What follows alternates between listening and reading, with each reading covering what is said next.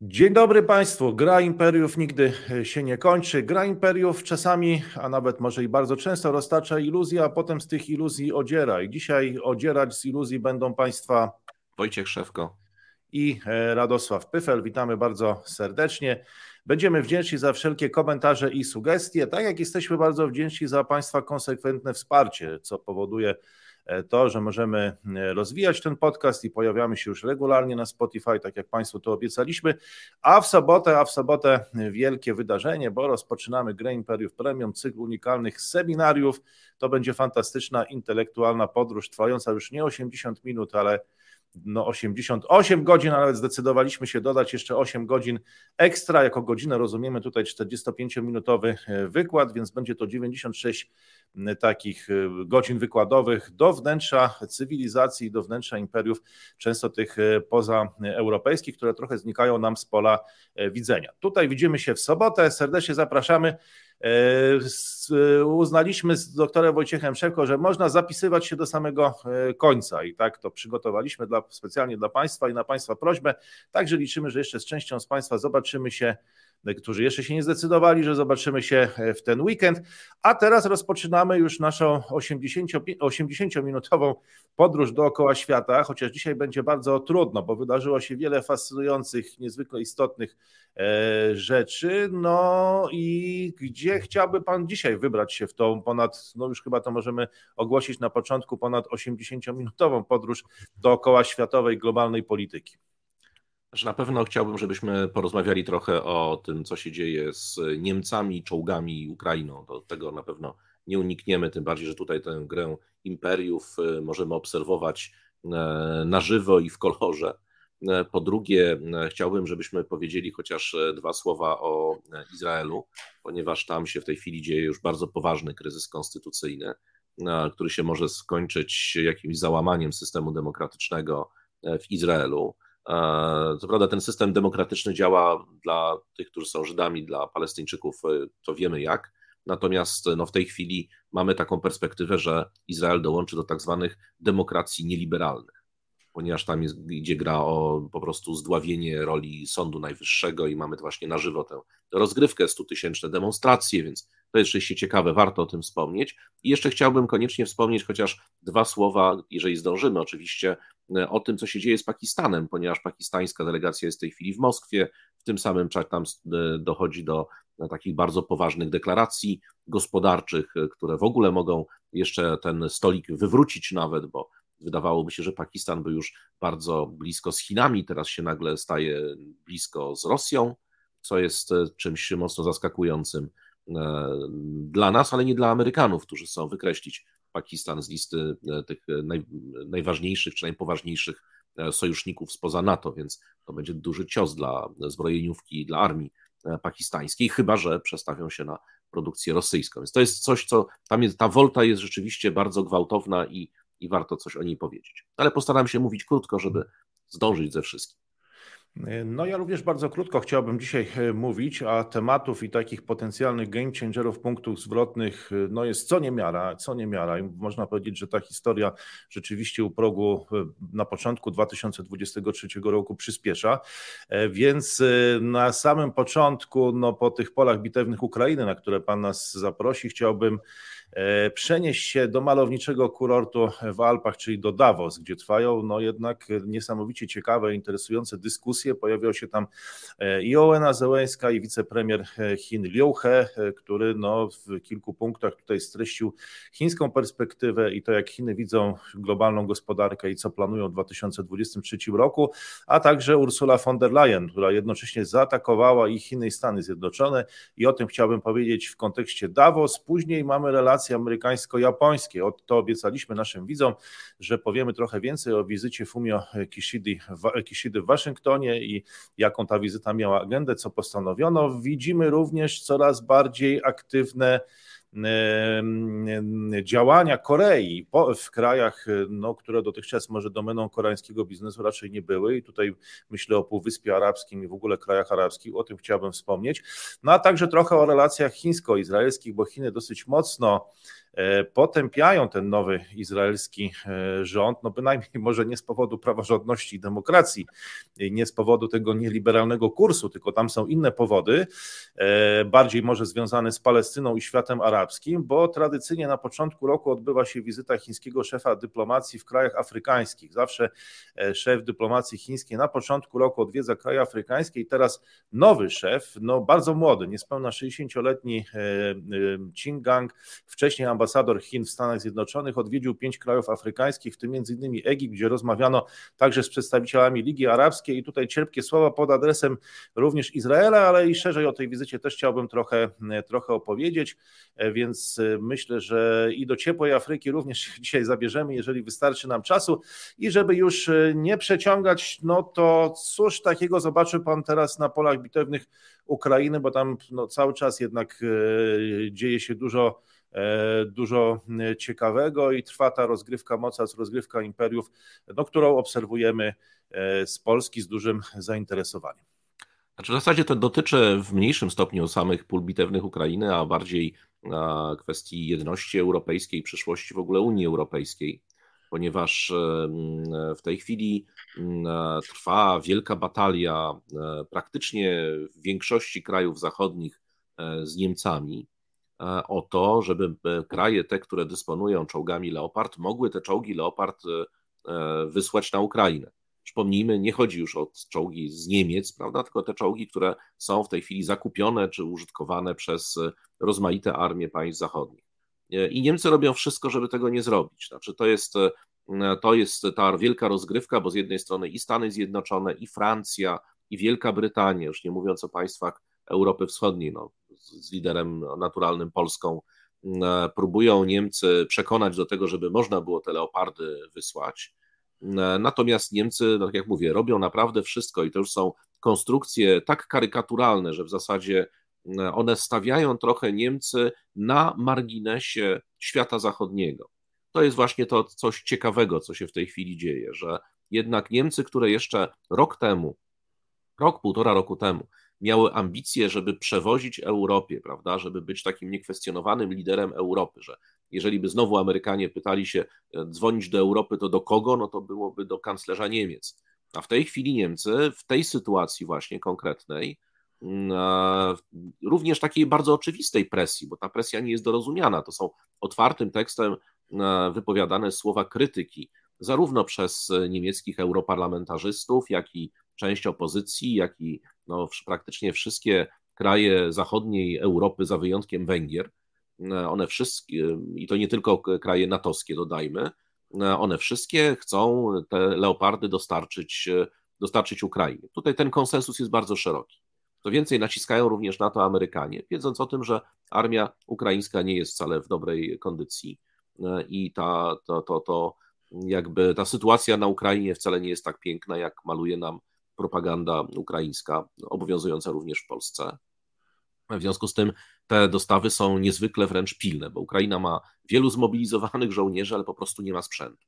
E, a już szczególnie nie ma sprzętu nowoczesnego, a Rosjanie cały czas sobie rozkonserwowują te, te, te, te zapasy, które, którymi dysponują. Zresztą, przepraszam, ale to trzeba powiedzieć chyba raz i, i bardzo dobitnie, że Ukraina ma dlatego niewielkie szanse na zwycięstwo nad Rosją, nie ze względu na brak bohaterstwa żołnierzy, tylko po prostu ze względu na to, że cały ukraiński przemysł zbrojeniowy, całe zaplecze, zakłady remontowe, energetyka, cała infrastruktura krytyczna znajduje się w zasięgu rosyjskich rakiet.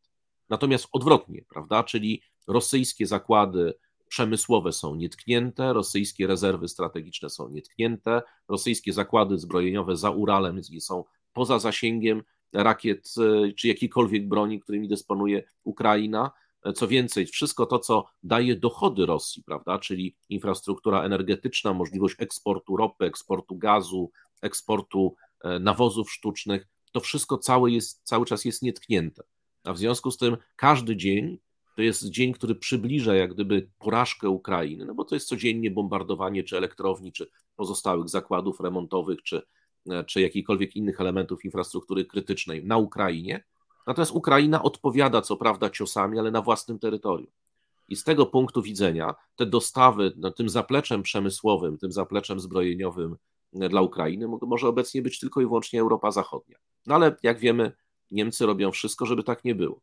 To jest, znaczy można to zrozumieć, że to po prostu, że cała ta sytuacja zachwiała jakimś paradygmatem polityki zagranicznej. No Niemcy jednak przez lata budowały sobie e, tą, te, te, te swoje e, leadership, prawda, to swoje przywództwo w Europie. No jednym z podstawowych filarów były dobre relacje z Rosją, tak? Rosja jako świetny rynek zbytu, e, Rosja jako dostawca tanich surowców, co znowu powoduje, że niemiecki na przykład przemysł energetyczny czy chemiczny miał się tak bardzo dobrze i to nagle runęło ale wydawałoby się, że, to się, że coś się w tej mentalności zmieniło, ale jak widzimy, nie. No. Teraz przecież... Ale może, ale bo Niemcy niby odchodzą, dywersyfikują teraz dostawy surowców, to jednak widać, że przez ostatnie e, miesiące to zro, zrobiły. Może to jest po prostu pytanie who pays, no kto zapłacił, czy kto zapłaciłby za to przeniesienie tego przemysłu do krajów Europy e, Zachodniej, tego przemysłu obronnego, który e, pracowałby na rzecz Ukrainy i czy Niemcy się po prostu no, zwyczajnie nie boją, e, bo tak rzeczywiście zachowują się, że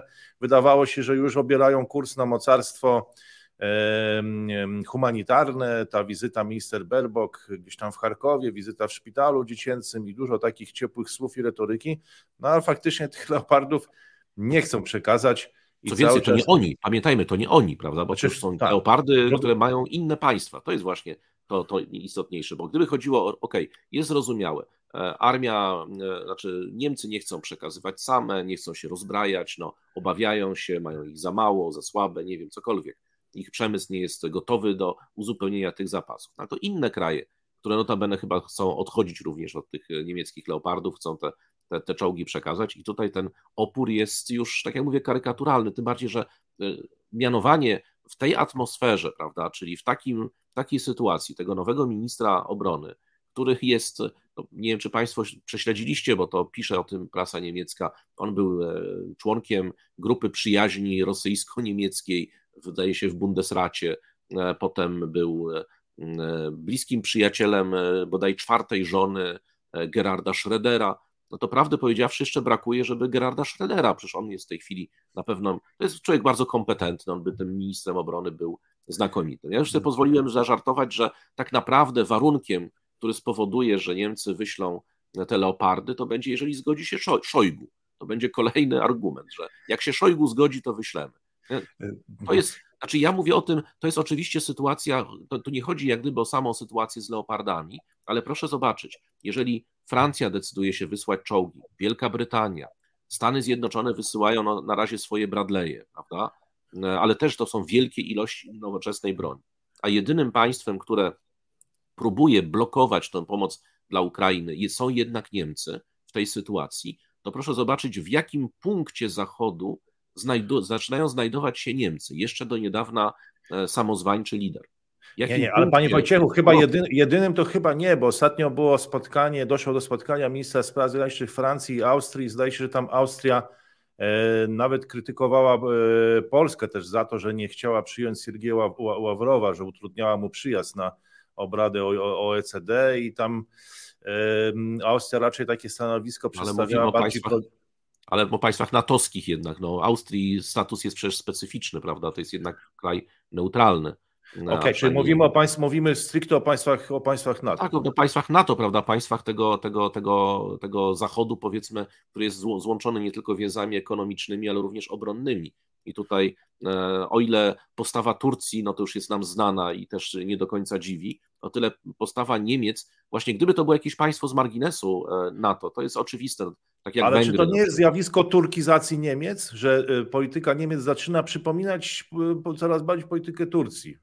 Wydaje mi się, że to jest chyba jakiś głębszy problem elit niemieckich i zarówno tych elit związanych z SPD, jak i elit związanych z CDU. No, to jest czy to jest kwestia jakiegoś kompleksu Rosji, e, tego kompleksu jednak przegranej w II wojny światowej, czy to jest kwestia e, nadzwyczajnych związków, e, które się A może tam w tej chwili? A może fascynacji rosyjską duszą, bo wspomniał Pan o Gerardzie Schröderze, ale on powiedział, że będzie gdzieś tam zachowywał tą funkcję, którą pełni obecnie po to, żeby być tym kanałem komunikacji między, e, między Rosją a Niemcami, ale e, nowy minister obrony, dosyć szybko mianowany po tej dymisji minister Lambrecht, Boris Pistorius. No, nazwisko może kojarzy nam się z czymś innym, ale imię Boris no, też pokazuje, że być może i rodzice nowego ministra obrony Niemiec również gdzieś tam fascynują się tą rosyjską duszą, bo, bo imię wskazuje na to, że E, że gdzieś tam, e, gdzieś tam te wątki rosyjskie tutaj mogą ja odnoszę, ja odnoszę wrażenie, że tak naprawdę komunikaty e, z Niemiec powinny brzmieć w ten sposób. Władze Niemieckiej Republiki Demokratycznej zdecydowały i tutaj dalej ten, ten komunikat, że jednak to NRD bardzo, bardzo mocno tkwi w mentalności elit niemieckich i można po, tak odnieść takie wrażenie, no, że Niemcy tak czy inaczej, bez względu na wszystko, uważają, że wojna z Rosją skończy się bardzo szybko i że trzeba będzie starać się e, nie antagonizować Rosji i jak najszybciej wrócić do business as usual, prawda? To jest cały czas to dążenie, tylko powstaje pytanie, czy jest to dążenie polityczne, czy dążenie gospodarcze. No, w głowach tych elit e, nie siedzimy, w związku z tym nie, nie do końca wiadomo, e, jaka jest taka autentyczna motywacja, a nie ta wygłaszana gdzieś publicznie ale ona już się nie jest w stanie ostać tej zjednoczonej presji jednak tego, można powiedzieć, twardego Zachodu. No, to jest, ja tak jeszcze raz chciałem podkreślić, że to nie chodzi o to, że to jest kraj, który, który w jakiś specjalny sposób e, mm, e, jest jakimś liderem obstrukcji e, pomocy dla Ukrainy, ale, w, ale jeżeli zestawimy to z pozycją, którą Niemcy sobie chciały zbudować, właśnie tego lidera Zachodu, prawda, tego, tego partnera dla Stanów Zjednoczonych, to z całą pewnością to w 100% straciły. Znaczy, to już nie jest, to już nie, nie, ma, nie będzie chyba powrotu. Znaczy, zaufania e, na Zachodzie, zaufania Niemcy sobie nie odbudują, bo wszyscy będą się właśnie pytali, czy mamy do czynienia z kolejnym regionem Rosji, prawda, czy mamy do czynienia z państwem jednak e, Europy, Europy Zachodniej. A jeszcze te to pokazywanie środkowego palca Amerykanom, że tak, tak, przekażemy, jak wy przekażecie Abramsy, e, podczas gdy oczywiście to jest, no mówię, to są takie już wynajdywanie, na, wynajdywanie pretekstów, a nie poważna dyskusja, bo dla Leopardów jest zaplecze remontowe chociażby w Polsce jakieś tam, a dla, dla, dla Abramsów nie ma. Abrams jest jednak egzotyką na, na rynku europejskim, no ale to już niech się specjaliści od tych, od wojskowości wypowiadają co jest bardziej sensowne. Natomiast no, w takiej sytuacji, kiedy jednak Wielka Brytania przekazuje te swoje challengery, e, Francja te swoje czołgo, czołgi czy transportery, to sobie niech się kłócą specjaliści, ale również rzekomo nawet Leclerki miałaby e, jakąś tam symboliczną ilość przekazać, no to tutaj to, że czy Polska, czy, czy Finlandia, czy inne kraje chcą przekazać niemiecki sprzęt i ponownie mamy tę obstrukcję. To, to jest któryś raz, przecież przypomnijmy sobie te słynne hełmy, które które Niemcy chciały przekazać na początku wojny. Znaczy, to jest sygnał, to nie, nie tylko jest sygnał dla Ukrainy, bo to jest zupełnie odrębna kwestia, ale jest to jednak sygnał bardzo poważny dla państw Zachodu i moim zdaniem będzie miał też bardzo poważne reperkusje i daleko, daleko idące konsekwencje dla samego procesu integracji europejskiej. Bo od tej pory każda inicjatywa niemiecka będzie jednak przez partnerów Unii Europejskiej a pamiętajmy, że są kraje jeszcze bardziej nastawione pro-ukraińsko w tej sytuacji, prawda? Holandia na przykład, która chce, żeby natychmiast pomagać, pomagać Ukrainie i też nie rozumie absolutnie postawy Niemiec, więc te wszystkie kraje będą za każdym razem zastanawiały się, czy nowa inicjatywa e, niemiecka, jakaś polityczna czy gospodarcza, czy ona jest w interesie Unii Europejskiej, czy jest w interesie relacji niemiecko-rosyjskich. No właśnie, tutaj będziemy mieli bardzo ciekawą rozgrywkę w 2023 roku, bo jednak jest to próba zbudowania cesarstwa e, europejskiego, jakkolwiek go e, nazwiemy, czyli federalizacji Europy i chociażby to podejmowanie decyzji e, większością głosów w ramach Unii Europejskiej. I to jest to, do czego Niemcy otwarcie dążą, i to jest to, co oficjalnie deklarują. Jedna kwestia to jest jakby NATO i te kwestie związane z bezpieczeństwem, o których Pan wspomniał, a druga kwestia to jest ta integracja gospodarcza w ramach Unii Europejskiej, ale one w jakiś tam sposób są powiązane i korespondują, więc zobaczymy, jak to się wszystko będzie kształtować. Więc jedna rozgrywka jest po naszej wschodniej granicy i to są pola bitewne Ukrainy, no a druga rozgrywka jest za naszą zachodnią granicą i to jest ta federalizacja Unii Europejskiej, którą Niemcy będą próbowały przeprowadzić. No, na ile to się uda, to rzeczywiście zobaczymy od stanowiska krajów Unii Europejskiej, które nie wszystkie są jednak członkami NATO też, tak? To, to też tutaj w naszej rozmowie wyszło, no ale zobaczymy, jak to się potoczy. Myślę, że chyba w tym momencie, w tej 19 minucie 42 sekundzie, możemy płynnie e, przejść do Davos. Gdzieś tak krążymy właśnie między wschodem a zachodem, gdzieś blisko Polski, a to na wschód od Polski, a to na zachód od Polski. Teraz trochę może bardziej jeszcze na zachód. Do malowniczego kurortu Davos możemy się udać razem z Oleną Zełęską, która e, tam się pojawiła i wzięła, zabrała głos w tym sesji inauguracyjnej. E, na początku wielkie wzruszenie i łzy wzruszenia, bo ten tragiczny wypadek tego helikoptera, e, w którym zginęło właściwie chyba całe kierownictwo ukraińskiego MSW, z ministrem spraw wewnętrznych Ukrainy Denisem Monasterskim i chyba zdaje się 17 współpracownikami. Ten helikopter spadł gdzieś na przedmieściach Kijowa, e, na jedno z przedszkoli. Zginęło niestety jeszcze kilkoro dzieci w tym wypadku. No a ponieważ Ołena Zełęńska jakby znała Denisa Monastyrskiego, to miało to też, ta tragedia miała też charakter osobisty. No to też może jest jakiś sygnał, jak to się dalej może potoczyć tam w, na Ukrainie, to, że do takich dziwnych e, wypadków e, dochodzi, no ale może to już zostawmy, skupmy się na tym, co, e, co mówiła Ołena Zełęńska w Davos i to, co mnie osobiście bardzo zaskoczyło i to, na co chciałem zwrócić uwagę akurat w naszej rozmowie w Grze Imperiów, to to, że ona publicznie ogłosiła, że przekaże list delegacji chińskiej na czele z Liu He, o tym jeszcze co powiedział Liu He, wicepremier Chin, będziemy mówić za chwilę. I powiedziała, że ten list y, to jest list od jej męża, prezydenta Ukrainy Wołodymyra Zełenskiego, który zawiera propozycję zakończenia wojny tej agresji Federacji Rosyjskiej na, na Ukrainie, dokładnie użyła tego słowa e, i że liczy, że ten list zostanie przyjęty i wysłuchany, że będzie odpowiedź e, na tą, e, na tą propozycję.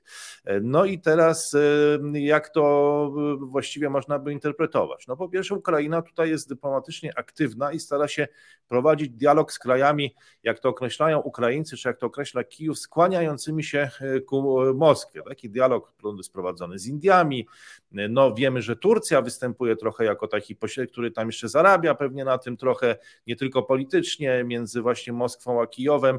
No i tutaj mamy do czynienia z kolejną tego typu próbą, czyli właśnie prowadzeniem dialogu z Chinami i wpływaniem na ich stanowisko.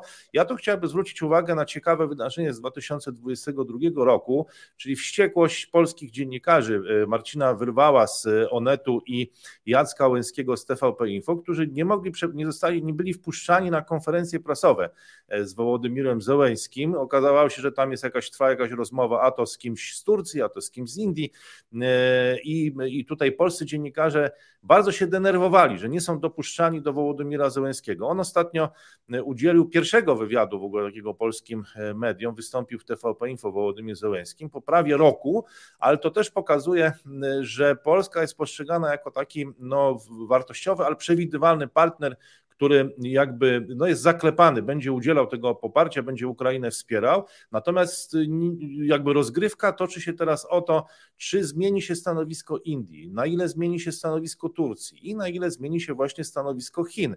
No tak to y, postrzegam i teraz czy Liu He w jakiś sposób zareaguje. No wydaje mi się, czy będzie, czy na przykład powie to, co Xi Jinping powiedział kilka miesięcy temu, że to jest przyczepienie dzwoneczka do szyi tygrysa, że to NATO przyczepiło ten dzwoneczek do szyi tygrysa, wściekłego tygrysa, którym jest Rosja i że niech teraz go e, NATO zdejmuje, że to nie, będzie, nie będą robić Chiny. No sądzę, że w ten sposób się nie wypowie, że powie, że, e, racz, że raczej wyrazi współczucie, wyrazi troskę, wezwie znowu do dialogu i rozwiązywania konfliktów na drodze negocjacji, pokojowych rozmów, ale sądzę, że nie da się zaangażować. No i tu powstaje pytanie, Jakich jeszcze argumentów może użyć e, Ukraina? No poza y, pierwszą damą, Ołeną Zełęską, która przekazuje ten list od swojego męża, prezydenta Wołodymira Zełęskiego, e, jakich jeszcze innych argumentów może użyć Ukraina, żeby wpłynąć na e, stanowisko Chin? Bo pewnie będziemy taką rozgrywkę obserwować, natomiast Chiny nie chcą się dać zaangażować ani w kwestię Korei Północnej, ani tym bardziej kwestię Ukrainy. I tu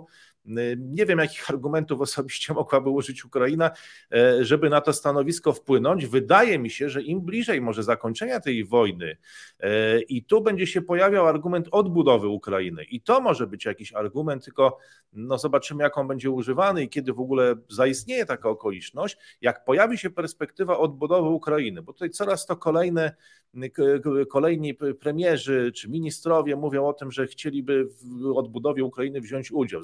Zadeklarowała się Italia, nawet Tajwan ostatnio powiedział, że on też chciałby pomóc w kwestii tam zdalnego nauczania, jak już do tej odbudowy Ukrainy dojdzie.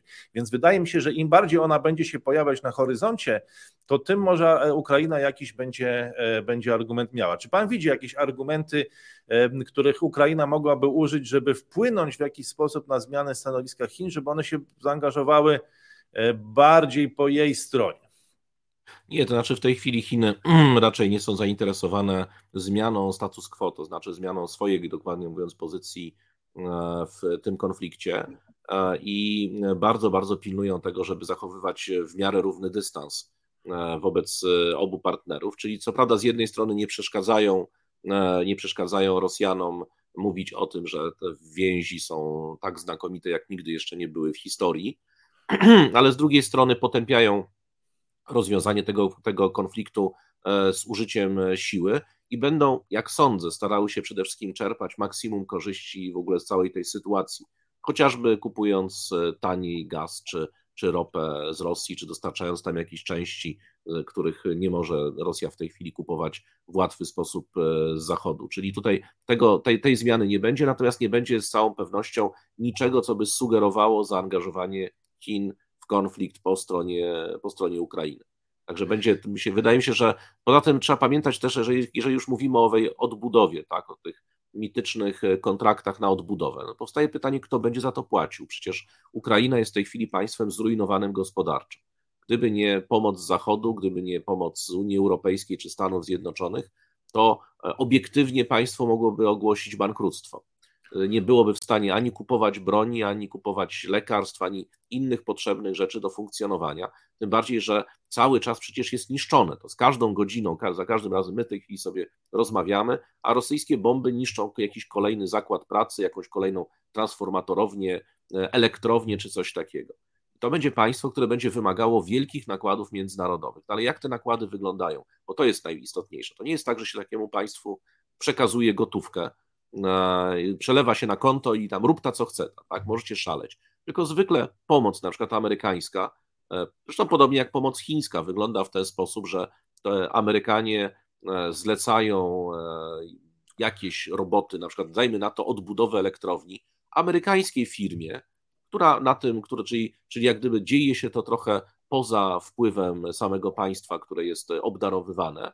Natomiast to państwo otrzymuje w ten sposób najczęściej na dodatek zadłużając się, bo to nie jest, rzadko kiedy jest to charytatywne, e, to państwo zyskuje odbudowaną na przykład elektrownię, czy odbudowaną jakieś tam wodociągi, czy coś podobnego. I najczęściej odbywa się to w ten sposób, czyli trudno, czyli wszyscy ci, którzy liczą na to, że będą to jakieś środki ekstra, że Amerykanie sypną pieniędzmi, a następnie państwa inne będą z tych pieniędzy mogli korzystać, no to no kto brał udział w odbudowie Iraku, to wie, jak to wyglądało, więc nie sądzę, żeby tutaj było to trochę inne. Oczywiście to nie znaczy, że Ukraina nie będzie miała własnych środków, ale jeżeli mówimy o tych wielkich potencjalnie e, kontraktach infrastrukturalnych, e, to raczej no, nie będzie takiej możliwości, żeby, żeby ktoś sobie tak z zewnątrz, czyli ta pomoc będzie pomocą tak specyficznie zdefiniowaną. Chyba, że będą jeszcze jakieś specjalne programy Unii Europejskiej, ale to już jest, wtedy będą podlegały regulacjom europejskim, a to już jest zupełnie inna, inna kwestia. Więc jeżeli by Chińczycy mieli się tam pojawić,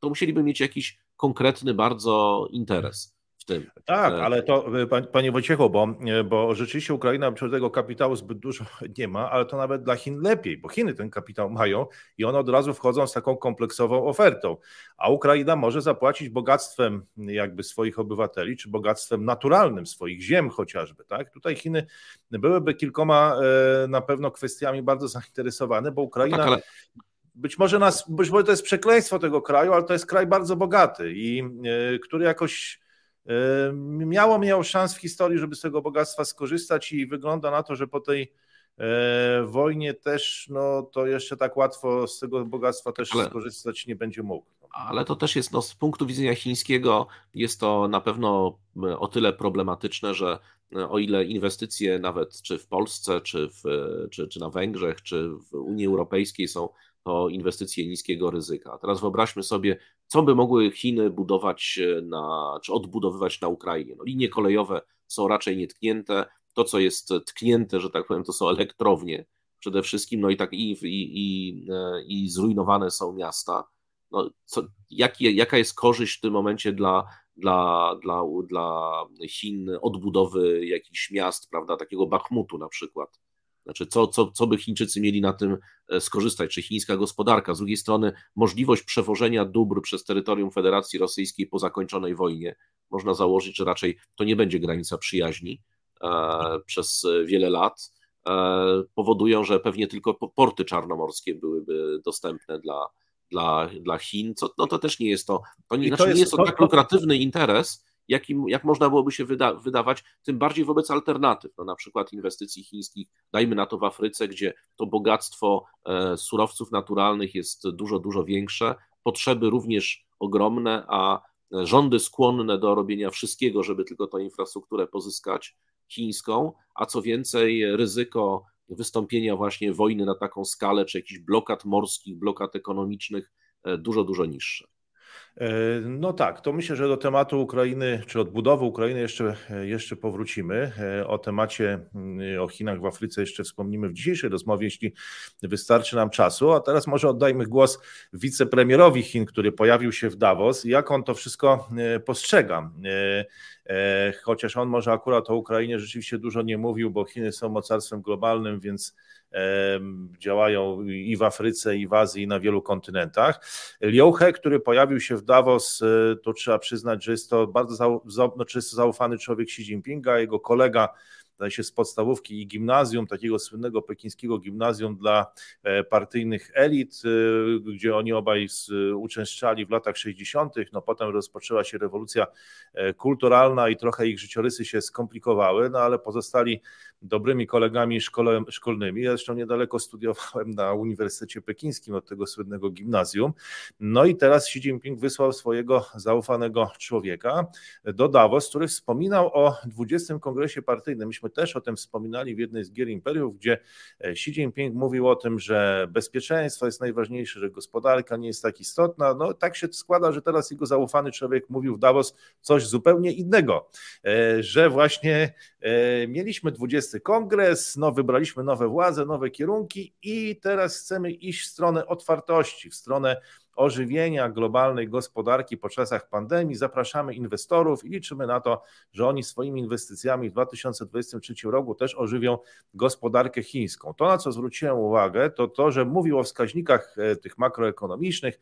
E, my zawsze tutaj, mam wrażenie, w Polsce zbudujemy bardzo złożone teorie na podstawie tych oficjalnych danych i tych oficjalnych wskaźników, więc mówił o 3% wzroście PKB, ale wspomniał też o takim wskaźniku, Y, który moim zdaniem będzie istotny w XXI wieku. Otóż powiedział on o tym, że udało nam się zachować 5,6 y, 5, y, udało nam się utrzymać wskaźnik bezrobocia wśród populacji miejskiej na poziomie 5,6%.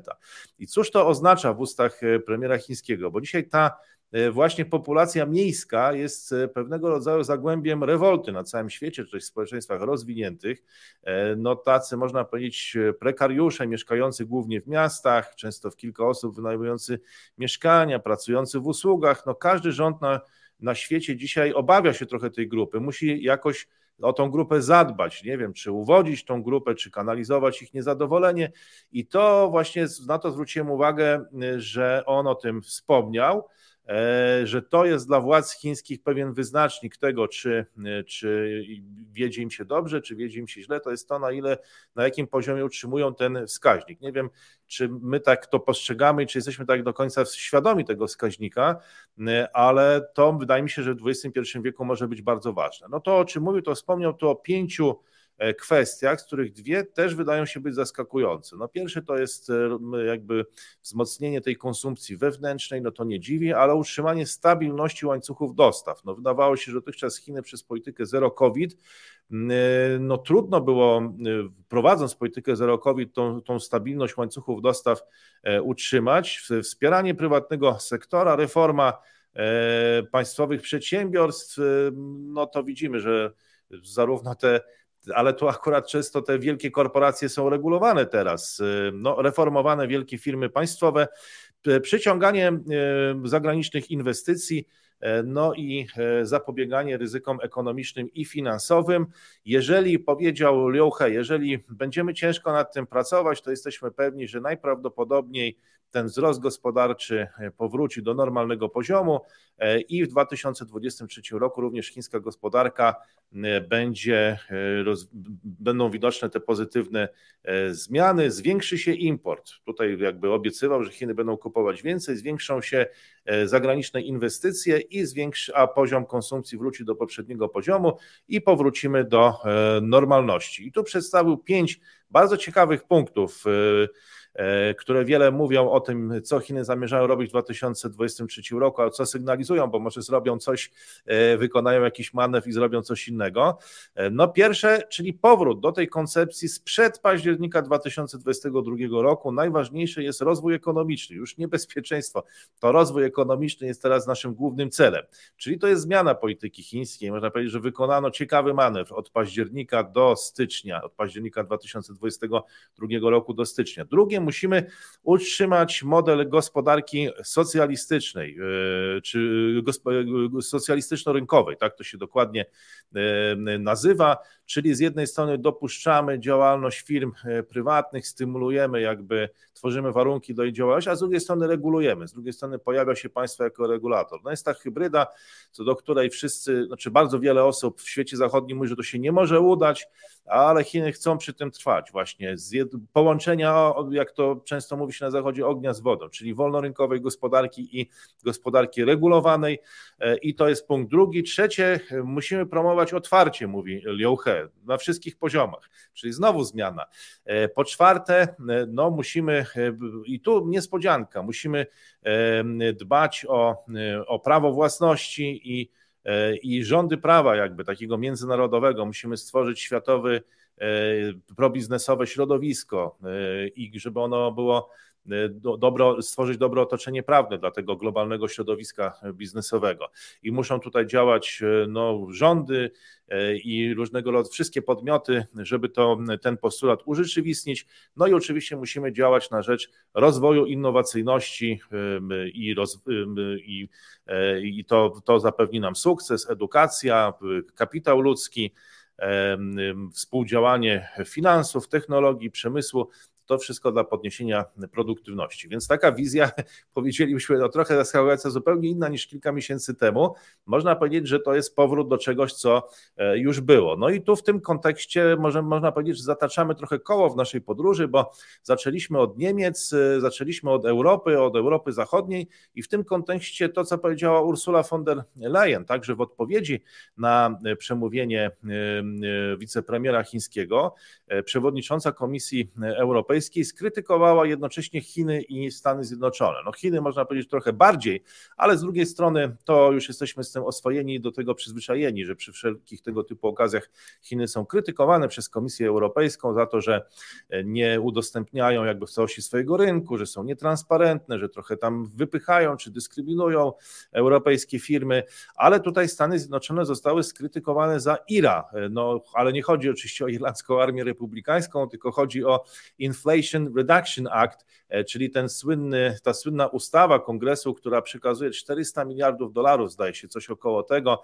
na rozwój sektora technologii. Są to dotacje i subwencje, które mają przyciągać e, no, zagraniczne, także w tym europejskie również firmy i korporacje do tego sektora nowych technologii, one się przenoszą do Stanów. I tu już, tu już e, wcześniej, to już nie pierwszy raz, kiedy przedstawiciele Europy Zachodniej są z tego powodu niezadowoleni. W grudniu już tam groźby w pewne w Waszyngtonie subtelne formułował Emmanuel Macron z Francji, który mówił, że to nie jest uczciwe. No John Kerry troszkę starał się to właśnie obracać w żart i mówił, no wszyscy musimy to zrobić, nie róbmy z tego e, wielkiej sprawy. No ale teraz e, gdyby Ursula von der Leyen i w ogóle Unia Europejska, czy też kraje Europy Zachodniej, takie jak Francja czy Niemcy, te groźby spełniły i rzeczywiście zaczęłyby robić to samo, czyli wrzucałyby jakieś dotacje czy subwencje i konkurowały w ten sposób, że stworzyłyby własne takie środowisko biznesowe e, wspierające na przykład te branże nowych technologii, przyciągające firmy tymi dotacjami, no to mielibyśmy, e, gdyby te groźby zostały spełnione, to mielibyśmy kapitalizm nowego typu. No nie wiem, czy chińskiego, czy tak, starego. by to można. Albo tak? starego typu. Starego Albo... typu. No przecież protekcjonizm to jest XIX-wieczny kapitalizm. No wracamy, do, wracamy do imperializmu w czystej postaci. Tak? Państwa, mhm. które wspierają e, politycznie i militarnie rozwój swojego przemysłu, biznesu i jego ekspansję. No, to, to już no, było. dokładnie tak, dokładnie tak, bo tutaj kluczowa byłaby, kluczowa byłaby rola e, rządu. No, on do tej pory oczywiście też działał z korporacjami, ale bardziej na takiej zasadzie, że umożliwiał im prowadzenie tej działalności, stwarzał dla niej warunki, rozwiązywał im tam jakieś problemy, ale teraz to będzie już całkowita zmiana, bo on by je subsydiował, razem, znaczy planowałby w ogóle ich działalność i regulował, przynajmniej tak jest w Chinach i sądzę, że w jakiś sposób za chwilę będzie to podobnie wyglądać w Stanach i być może w Europie. E, no i to, proszę Państwa, no jak są lamenty w Stanach, że, że to już nie jest ten sam kraj, że to już nie jest ten wolny rynek, który znamy, no tylko pytanie, jak konkurować z Chinami, e, które ten model stosowały.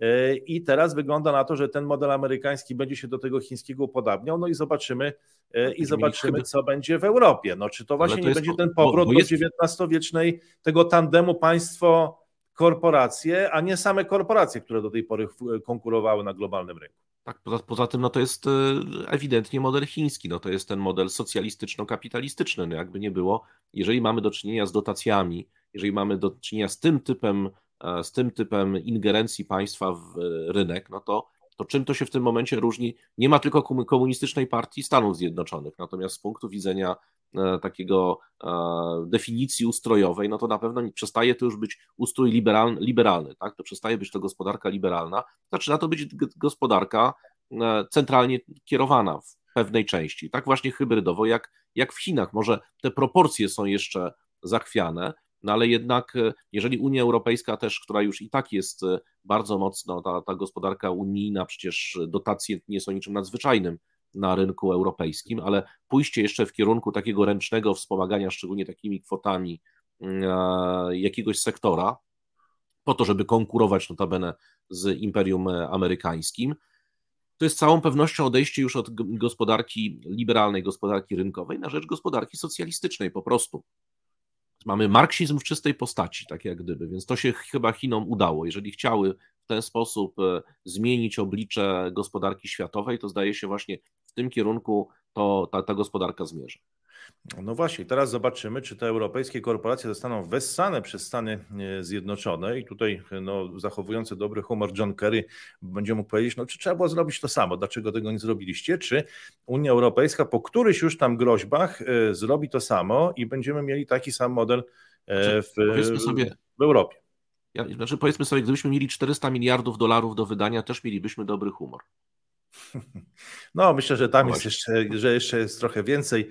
E, no, ale to już może jak te środki, jak tymi środkami dysponować, jak je tworzyć, to już może w to e, nie wchodźmy, bo zdaje się, że wzywa nas Waszyngton w tym sensie, że tam pojawił się turecki minister spraw zagranicznych i też nie możemy omieszkać tego, żeby tego nie skomentować, bo Turcja tutaj no już musiała się pojawić jako pewien punkt odniesienia dla polityki e, niemieckiej i czy coś tam ten szef tureckiej dyplomacji w Waszyngtonie wskurał. Zdaje się, że chyba też chodziło o broń. E, trwa w tej chwili ta wizyta, wizyta w momencie, kiedy my o tym mówimy, to ona jeszcze cały czas trwa ale wiadomo o czym będą rozmawiali, znaczy o, o czym strony rozmawiają. Oczywiście rozmawiają o wszystkim, o Syrii, o stabilizacji, o kwestii Ukrainy, o dealu zbożowym, który notabene tam został w tej chwili jest bardzo mocno zablokowany ze względu na niezdolność e, chyba tej inspekcji do sprawnego odblokowywania transportu tych statków. Widziałem, że Organizacja Narodów Zjednoczonych tam zaapelowała, żeby ponad 100 statków, które już w tej chwili stoi gdzieś na redach portów tureckich, żeby one zostały już uwolnione i mogły dalej z tym zbożem płynąć. Ale przede wszystkim takim najważniejszym elementem rozmów, oprócz kwestii północnej Syrii, bo zdaje się, to akurat jest chyba stanowisko amerykańskie, jest cały czas niezmienne i znane, to jest kwestia zakupów przez e, Turcję F-16. No, te zakupy zostały, są, są blokowane przez Pentagon, ale są również blokowane przez Kongres. Znaczy, Pentagon mówi, że to Kongres musi, musi wyrazić zgodę, natomiast Kongres jest bardzo mocno niechętny temu. Tym bardziej, że no, Turcja nie ukrywa swoich agresywnych e, zamiarów wobec Grecji, której to Grecji stacjonują co, coraz to większe, bo tam się rozbudowują bazy, coraz to większe ilości wojsk amerykańskich. I Amerykanie mają e, perspektywę tego, że te F-16, które sprzedadzą i zmodernizują, bo ten deal dotyczy i sprzedaży, i modernizacji, za chwilę zobaczą nad swoimi własnymi głowami, czy w Grecji, czy w północnej Syrii. A już bombardowanie okolic bazy amerykańskiej w e, Syrii już miało miejsce, więc to nie byłby odosobniony przypadek. Po drugie, mm, Turcja wobec, e, no delikatnie mówiąc, niejednoznacznej postawy w konflikcie tym e, z Rosją, gdzie stawia się jakby nieco na marginesie, czy poza w ogóle jakimiś ramami mm, świata zachodniego, no z całą pewnością nie skłania Amerykanów do dozbrajania w nowoczesną broń, czy w nowocześniejszą broń.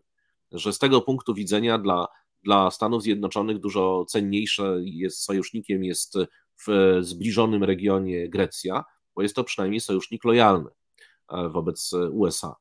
I trzecia kwestia dotyczy blokowania przez, i to jest właśnie chyba przedmiotem tych rozmów, i to najbardziej boli, e, boli e, Turków, ponieważ Turcy, jak wiemy, no, próbują szantażować Szwecję i Finlandię i cały czas domagają się na przykład w tej chwili ekstradycji, bezprawnej zresztą ekstradycji, 130, co najmniej 130 działaczy kurdyjskich, w tym również zdaje mi się jednego albo dwóch parlamentarzystów, co jest w ogóle jakimś kuriozum.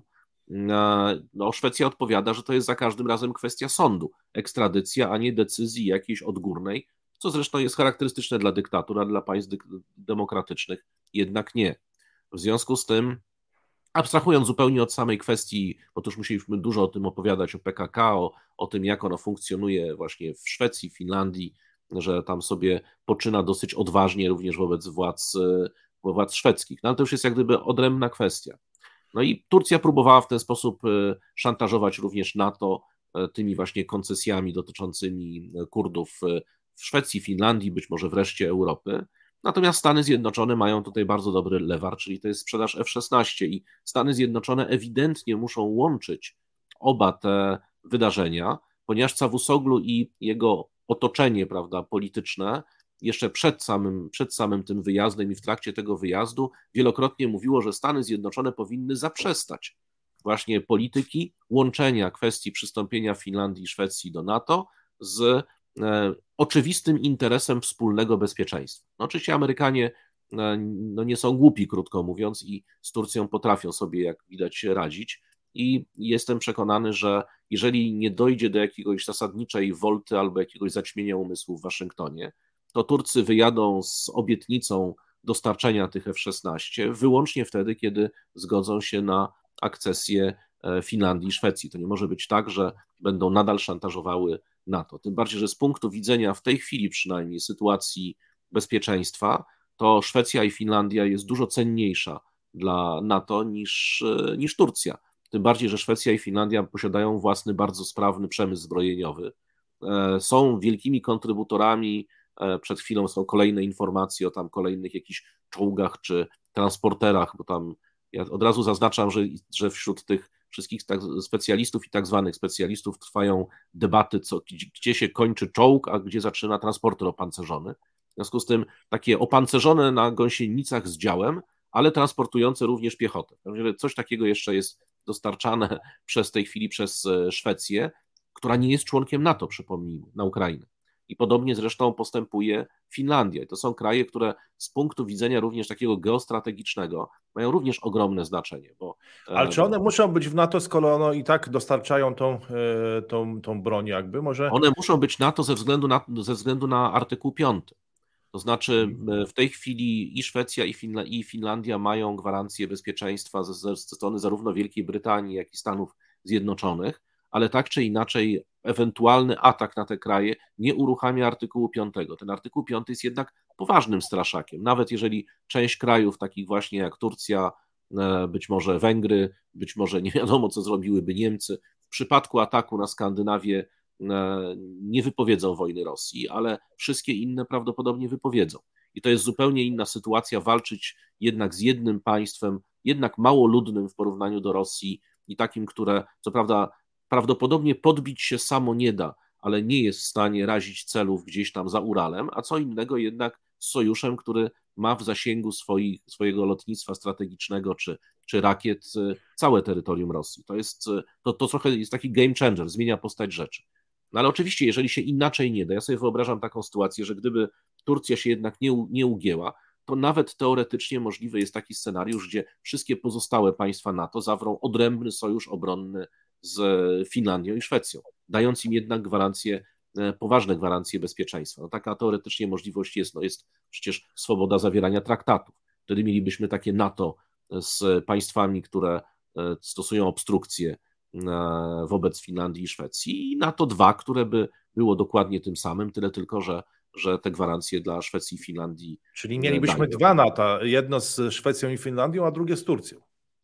No tak mi się wydaje, że jeżeli się inaczej nie da, to pewnie to byłoby jakiś, znaczy to by się nie nazywało NATO, prawda, tylko to byłby jakiś tam sojusz obronny czy, czy, czy gwarancje bezpieczeństwa, to pewnie jakąś sprytną nazwę by wymyślono, no ale taka sytuacja teoretycznie też jest możliwa, bo proszę zobaczyć, dwa państwa, które przez bardzo długi okres czasu broniły się jednak przed przystępowaniem do NATO, w tej chwili w sytuacji oczywistego zagrożenia wobec Rosji i oczywistych również pogróżek wobec nich, bo pamiętajmy, że to nie jest tak, że wobec Finlandii i Szwecji Rosja nie stosuje różnych gruźb. No to, że mają zostać zajęte Wyspy Alandzkie, że tam w Karelii mamy długą granicę i łatwo ją przekroczyć, że mamy przecież wyspy należące do Szwecji, które też Rosjanie sobie ćwiczyli e, desant na nie.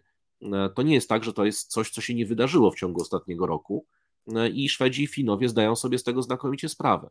Oni mają co prawda bardzo duży potencjał obronny, mają niezły przemysł, mają duży potencjał mobilizacyjny, ale tak czy inaczej Rosja jest w stanie te wszystkie państwa jedno po drugim, e, nawet jeżeli nie pokonać, to na pewno mocno zrujnować. Natomiast tylko zjednoczone są w stanie się przed Rosją po prostu fizycznie obronić. I Turcja też o tym wie. Zresztą Turcja już nie pierwszy raz, no przypomnijmy, przecież taki szantaż dotyczył też przyjęcia planów obrony między innymi Polski przez NATO, gdzie Turcja tak samo szantażowała wtedy do, domagała się rozwiązania kwestii migracji e, i potępienia Grecji e, w sytuacji takiej, w której jeżeli tego państwa zachodnie nie zrobią, to, to wtedy oni się nie zgodzą na przyjęcie tych planów strategicznych. Więc za każdym razem jest to takie przepychanie na siłę. I mi się wydaje, że w tej chwili Cavusoglu zderzy się jednak ze ścianą. To znaczy, jeżeli być może otrzyma jakiś zestaw obietnic, natomiast tak czy inaczej przez kongres to się po prostu tego się raczej nie da przeprowadzić, bo ten opór jest nie tylko w, w, wśród republikanów, ale również wśród demokratów przeciwko właśnie tym działaniom tureckim e, i w ogóle przeciwko dozbrajaniu dalszemu Turcji wobec takiej, a nie innej postawy Turcji wobec chociażby Grecji czy Szwecji, Finlandii, czyli tego głównego konfliktu, prawda, w tej chwili globalnego, który się rozgrywa na Ukrainie. E, no właśnie, bo nie wiadomo, jak ta Turcja się zachowa i co z tym, co z tym uzbrojeniem ostatecznie by e, zrobiła. No ciekawa rozgrywka w Waszyngtonie. E, równie ciekawa jak ta, do której doszło wcześniej, bo tam wcześniej pojawił się również premier Japonii i tutaj jakby, żeby tradycji gry imperiów stało się zadość, to E, przeskakujemy z, ze świata europejskiego czy z Atlantyku nad Pacyfik. E, no i teraz Japonia i e, Korea. Tam Fumio Kishida pojawił się w ramach swojej serii wizyt dyplomatycznych. On odwiedzał kraje G7 w ramach tej wizyty. No i tutaj podkreślał wagę tego sojuszu w obliczu zagrożenia ze strony Chin, Korei Północnej i Rosji. Wydaje mi się, że ta kolejność również tutaj może mieć znaczenie, bo często gdzieś tam najpierw mówiono o Rosji jako tym największym zagrożeniu, potem Korei Północnej, no a tutaj jednak skupiono się na Chinach. One były wymieniane jako pierwsze. Prezydent Joe Biden no, pochwalił wzrost jakby bezpieczeństwa Tokio i też powiedział, chyba zdaje się coś podobnego, mówiono Shinzo Abe, jego podejmowano z wielkimi honorami również, e, przyjmowano w kongresie amerykańskim, ale teraz Joe Biden powiedział, że narody nigdy nie były ze sobą bliżej i że jest to niezwykły moment. Kwestia, która była interesująca, to to, że rozmawiano nie tylko o nowej strategii bezpieczeństwa Japonii, o której wspominaliśmy w poprzednich grach imperiów, ale także o kwestii półprzewodników. I tutaj Stany Zjednoczone mm, starają się dojść do jakiegoś porozumienia, czy osiągnąć efektywne działania ze strony Holandii i Japonii, które wykluczałyby dostęp e, Chin do tych najbardziej zaawansowanych technologii półprzewodników, a takimi dysponuje Holandia i właśnie też e, Japonia. I za to też e, jakby w Waszyngtonie Kishida był chwalony. Co co powiedział, to to, że Japonia i Stany Zjednoczone stoją obecnie w obliczu najtrudniejszego i najbardziej złożonego środowiska bezpieczeństwa w najnowszej historii. Oba kraje podzielają oczywiście podstawowe wartości demokracji i rządów prawa, a rola, jaką mają do odegrania, jest jeszcze, staje się jeszcze większa.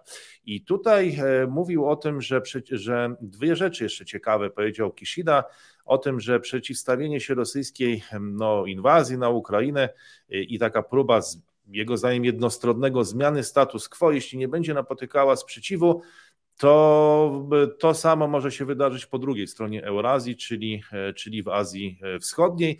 Dlatego tak ważne jego zdaniem jest to, żeby Stany Zjednoczone i Japonia mówiły jednym głosem, ale żeby także jednym głosem ze Stanami Zjednoczonymi i Japonią e, mówiła Europa. To było takie, takie istotne. On powiedział to powiedział również no, to na John Hopkins University, gdzie wygłosił takie przemówienie, e, że trzeba, że to musi być koordynacja tych jakby wspólnych działań tych trzech, trzech podmiotów na arenie międzynarodowej wobec tego głównego wyzwania, no, którym tutaj już wprost e, nazywał Chiny. Mówiono oczywiście też o e, współpracy w kosmosie, to jest takie nową pewnego rodzaju, że te traktaty dotyczą już również tej nowej przestrzeni, coraz więcej jakby coraz bardziej jest ona, e, ona istotna i i właśnie te e, półprzewodniki. E, chociaż Kishida powiedział, że popiera próbę Joe Bidena właśnie ograniczenia dostępu Chin do tych najbardziej zaawansowanych technologii, no to, to to jednak tego nie obiecał. To jednak tego ostatecznie nie obiecał, że Japonia całkowicie te, ten, dostęp, ten dostęp ograniczy.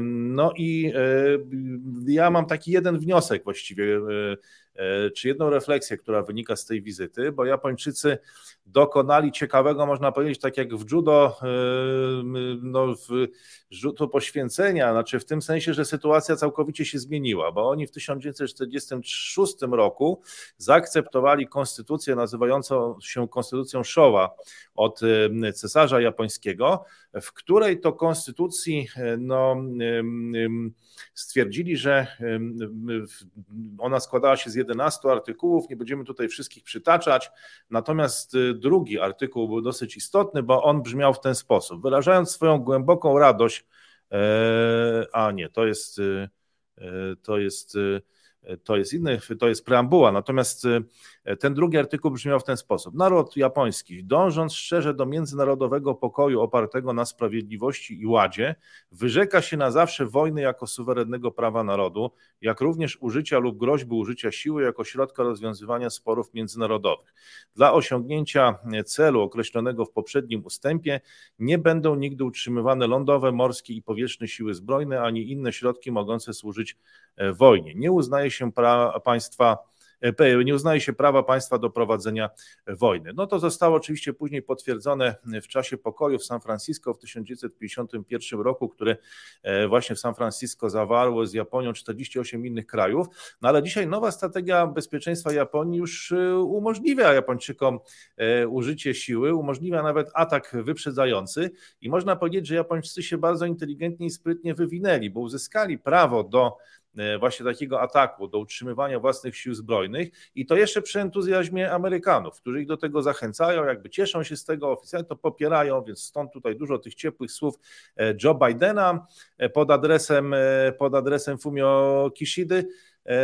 No tyle tylko, że dzisiaj ten świat wygląda zupełnie inaczej. Japończycy mają to prawo do utrzymywania własnych sił, no ale przy potężnych Chinach, nieprzewidywalnej Korei Północnej, no i także jednak Rosji, z którą, z którą też mają swego rodzaju zatargi, wciąż nierozwiązaną tą kwestię terytorialną i wciąż y, jakby druga wojna światowa w tamtym regionie się oficjalnie nie zakończyła. I teraz y, jeszcze jedna rzecz mnie ciekawi, tutaj chciałbym pana y, zapytać, o Koreę, bo ta jest niezwykle aktywna w świecie arabskim także. No, nie przyzwyczajała nas Korea do tego, żeby była jakimś liczącym się graczem, e, nie wiem, czy to w Afryce, czy właśnie na Bliskim Wschodzie, a tymczasem prezydent Korei pojawił się w Zjednoczonych Emiratach Arabskich i te oznajmiły, że zainwestują 30 miliardów dolarów w przemysł Korei e, e, Południowej. Będzie to głównie energetyka jądrowa, obronna i wodorowa i energia słoneczna, ale tutaj Korea odnosi, odnosi sukcesy nie tylko w tym przemyśle obronnym, ale także przecież elektrownia czy reaktory jądrowe na Półwyspie e, Arabskim. E, I co myśli Pan o Korei jako nowej wschodzącej gwieździe, gwieździe światowej gospodarki? Jak ona jest postrzegana na Półwyspie e, Arabskim? No i czy ona może się włączyć jako liczący się grać do tej gry imperiów, czy do tego koncertu mocarstw, który przetacza się przez e, dzisiejszy świat, no bo widać tutaj, że e, że jest niezwykle sprawna w pozyskiwaniu tych, e, tych kontraktów. To pokazuje ten również ten obiad, ten lunch, w którym właśnie zjedli w lunch z wielbłądzim mięsem. Takie tutaj były informacje. Nie wiem, czy pan kosztował tego wielbłądziego mięsa, ale tam podobno skosztowali go prezes Hyundai Motor E, Group Ason Chung, e, Samsung też się pojawił w osobie Lee Jae-yonga, SK Group, e, Choi Tae-wong i tak dalej, i tak dalej. I no widać, że Korea tym graczem takim się staje. Co pan myśli o tej wizycie w Zjednoczonych Emiratach Arabskich i w ogóle o Korei w świecie arabskim i jako, jako, tym, nowym, jako tym nowym graczu? No, no widzimy to także w Polsce, bo też mamy dużo kontraktów z koreańskimi firmami i to właśnie, nie tylko w przemyśle obronnym. Wydaje mi się właśnie, że to trzeba w, ten, w tym kontekście również to postrzegać. No proszę zobaczyć, przecież te wielkie kontrakty e, z Polską, kontrakty zbrojeniowe, to jest jednak taka sytuacja, w której nagle wobec, no właśnie, wobec e, trudnych, trudnych i zawsze politycznie uwarunkowanych wyborów współpracy ze Stanami Zjednoczonymi, E, trudnych i jak wiemy już w tej chwili mocno upolitycznionych kontraktów z Niemcami, e, jako na przykład dostawcami broni, e, z, powiedzmy sobie z dyskusyjną jakością part, Francji jako dostawcy przynajmniej tej broni właśnie ciężkiej, bo ta broń jest i bardzo ciężka, i bardzo droga, i no też nie ma wielu chrzestów bojowych za sobą. Natomiast nagle się okazało, że taka Korea, która dysponuje odpowiednimi technologiami i odpowiednimi zdolnościami produkcyjnymi i nie warunkuje tych kontraktów jakimiś koncesjami politycznymi, tutaj nie ma jakiegoś bizantyjskiego, bizantyjskiej procedury zgody politycznej, nagle staje się dostawcą czegoś, co jest prawdopodobnie dobre, dobre potencjalnie przygotowywany na wojnę, która w każdej chwili może wybuchnąć, czyli to nie, są, nie jest sprzęt na parady wojskowe, E, i może to dostarczyć szybko i jeszcze na dodatek jest skłonna do różnego rodzaju kooperacji, prawda, czyli jakiejś produkcji na miejscu, remontów. Tutaj nie ma jakichś takich obstrukcji jak ze strony na przykład Niemiec w sprawie leopardów. Więc krótko mówiąc, to jest partner, który no już z tego punktu widzenia jest partnerem atrakcyjnym, chociażby przez eliminację tych nieatrakcyjnych. Natomiast jeśli chodzi o to, czy Korea e, Południowa może stać, włączyć się do gry imperiów, Moim zdaniem to jest szczyt jej możliwości, czyli to, co w tej chwili robi. Czyli z jednej strony przyciągać inwestycje, z drugiej strony właśnie występować chociażby jako eksporter na różnych rynkach. No, przecież elektronikę koreańską też wszyscy znamy od lat, to nie jest to nie jest to, że ona się nagle pojawiła nam tutaj na arenie międzynarodowej. Tu chodzi raczej o wielkie kontrakty rządowe i to też to jest rzeczywiście, do, to pokazuje bardzo duże zaufanie do bezpieczeństwa i stabilizacji Korei, ta inwestycja właśnie wielomiliardowa e, Emiratów, ponieważ e, Korea jednak cały czas, ona mogłaby odgrywać taką rolę, chociażby właśnie ze względu na i swoje zaangażowanie technologiczne i brak tych, e, i brak tych barier, które, które ma chociażby Japonia w tej chwili czy cały, czy, które zrzuca dopiero sobie bardzo powoli, no to to pewnie też bariery mentalne, no, po traumie II wojny światowej, ale cały czas Korea Południowa jednak ma ten miecz Damoklesa wiszący nad głową, czyli Koreę Północną. I to jest tak, że każda inwestycja w Korei Południowej, każda kooperacja, każdy kontrakt, zawsze, na, zawsze gdzieś podpisujący ma w tyle głowy, że w każdej chwili ten Kim te 100 tysięcy dział może odpalić, prawda, czy te, te setki tysięcy żołnierzy e, napuścić na tę Koreę Południową. Co prawda nie wiem, czy by Korea Północna była w stanie z Koreą Południową w tej chwili wygrać, szczególnie wobec obecności też tam Stanów Zjednoczonych, no ale z całą pewnością nagle cały ten biznes, który się tam robi, nagle wszystkie te inwestycje mogą się okazać po prostu no, nieudane, nie, nie, nieopłacalne, niezdolne do generowania zysku, no, chociażby bombardowanie takich elektrowni, w które będą e, e, inwestowali Emiratczycy. Także to świadczy o dosyć dużym zaufaniu lub, lub skłonności do ryzyk, bo to ryzyko jednak cały czas z punktu widzenia E, jakby no, państwa koreańskiego istnieje to, to nie jest przecież żadną tajemnicą, więc też to też jest coś, co limituje, co ogranicza możliwość jakiejś większej ekspansji polityczno-gospodarczej. Czyli do momentu, dopóki, dopóki nie zostanie w jakiś sposób załatwione, czy pojednanie na tym Półwyspie Koreańskim, czy, czy nie dojdzie do jakiejś rewolucji w tej Korei Północnej, choć raczej w to bym nie wierzył, przynajmniej w, obecnie, E, to cały czas to, to będzie coś, co będzie ciążyło na Korei, która prawdopodobnie w innym przypadku mogłaby odgrywać dużo większą rolę niż odgrywa w tej chwili. No tak, to jest rzeczywiście bardzo ciekawe, co by było, gdyby doszło do zjednoczenia państw koreańskich, ale na to się nie zanosi, e, bo wtedy no, pytanie jest, czy to wzmocniłoby potencjał Półwyspu Koreańskiego, czy tylko spowodowałoby to, że musiałby się on zająć na kilka naście lat, pewnie, a może i dłużej swoimi e, problemami wynikającymi z tego e, zjednoczenia. Niemcom też to zajęło trochę e, czasu, zanim uporządkowały pewne sprawy u siebie i dopiero potem już wystąpiły z pewną propozycją, no ambitną propozycją no, zwiększania swoich wpływów, przynajmniej e, w Europie.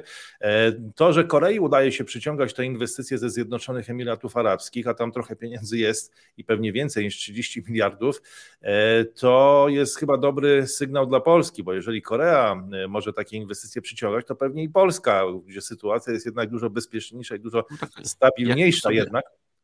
Jak już, sobie, jak już sobie stworzymy własnego Hyundai'a, Samsunga, LG, czy co tam jeszcze, prawda, nie, nie mamy, to wtedy rzeczywiście bylibyśmy takim tego typu partnerem, bo moim zdaniem tak, ale jest... można to zrobić. Korea pokazuje, że można to zrobić w niestabilnym otoczeniu e, międzynarodowym czy geopolitycznym, o którym Pan wspomniał. Więc skoro Korei się udało, a oni tak często mówią, że są e, krewetką między wielorybami i widzą tutaj pewne podobieństwo z Polską, no to teraz już nic innego nie pozostaje nam, jak zakasać rękawy i spróbować zrobić coś podobnego. No zobaczymy. Wielkie Imperium Lechickie tak cały czas czeka, tak. E, no zobaczymy z jakim, no może nie imperium, ale chociaż, chociaż sprawny gracz globalny, jakim okazuje się być Korea, to chyba jest w zasięgu naszych e, możliwości, ale faktycznie zgadzam się z Panem, że większość myśli już tutaj e, dalej o wielkim imperium, a nie o takim państwie, powiedzmy, jakim jest Korea, ale tutaj troszkę właśnie może inaczej postąpimy, bo przeskakujemy z Atlantyku na Pacyfik, ale pozostaniemy na Bliskim Wschodzie, bo krajem Dosyć podobnym jest Izrael, który również żyje w niestabilnym otoczeniu międzynarodowym, niestabilnym otoczeniu geopolitycznym i też z sukcesem udawało mu się przyciągać wiele inwestycji, chociażby startupów czy w branży high-tech, no ale wygląda na to, że troszkę ta łódka została tam rozbujana. Nie wiadomo, czy to dalej będzie się udawać Izraelowi, bo dziesiątki tysięcy ludzi na ulicach, e, ten radykalny rząd, który powstał e, w Izraelu. E, no i jak pan zapatruje się na, na te napięcia, które które pojawiają się w tym, w tym, w tym kraju. Znaczy, czytając nawet same komentarze izraelskie, można powiedzieć, że ta sytuacja jest bardzo poważna. Notabene ona jest jakoś, może nam się wydać nieobca, ponieważ w tej chwili cała rozgrywka, ta poważna rozgrywka, dotyczy przede wszystkim roli systemu sądowniczego. Otóż te partie prawicowe, ponieważ tam znaczna część już, znaczy przynajmniej drugi lider e, partii, czyli oprócz Netanyahu również e, lider partii Shas, e, to jest taki pan Arieh Deri, też dostał za, zarzuty kryminalne. I, I to są liderzy partii, którzy chcą po prostu złamać kark systemowi sądowniczemu, podporządkować ten system sądowniczy władzy politycznej. Na pierwszy ogień idzie Sąd Najwyższy.